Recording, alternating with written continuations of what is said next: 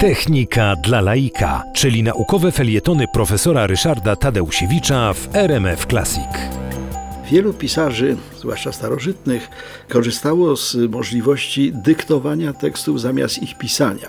E, Na przykład Gajusz Juliusz Cezar, który podczas swoich wojen e, spisywał swoje wspomnienia na gorąco, zaraz po bitwie czy jakimś innym wydarzeniu, korzystał z usług niewolnika.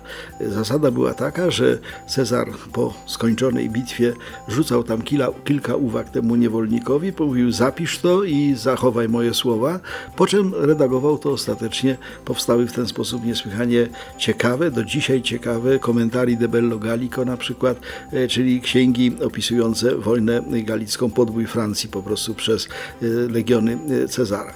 Natomiast e, w chwili obecnej no, niewolnika sobie trudno kupić, e, natomiast e, możemy mieć takiego elektronicznego niewolnika, mianowicie zamiast pisać teksty, możemy je dyktować urządzeniom elektronicznym wyposażonym w odpowiednie oprogramowanie. Takim darmowym oprogramowaniem do tego celu jest dostarczany przez firmę Microsoft taki program Dictate, który jest uzupełnieniem takiego pakietu, który bardzo chętnie wiele osób używa, e, który nazywa się MS Office, czyli po prostu tam edytor tekstów i parę innych programów, e, które się wykorzystuje. Również e, z kolei firma Google, która no, się tym, że e, jest ogólnoświatowa wyszukiwarka, ale także mnóstwo innych usług, które te Google udostępniają, też udostępnia taki program Docs. Jest oczywiście tych programów więcej, ale te dwa są dobre i są bezpłatne. W związku z tym zamiast zapisywać określone pomysły, teksty, można je dyktować.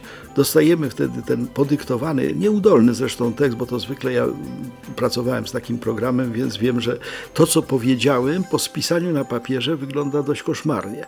Ale edytowanie czy poprawianie takiego tekstu to jest o wiele mniejsza praca niż potem pisanie go tak literka po literce, zdanie po zdaniu.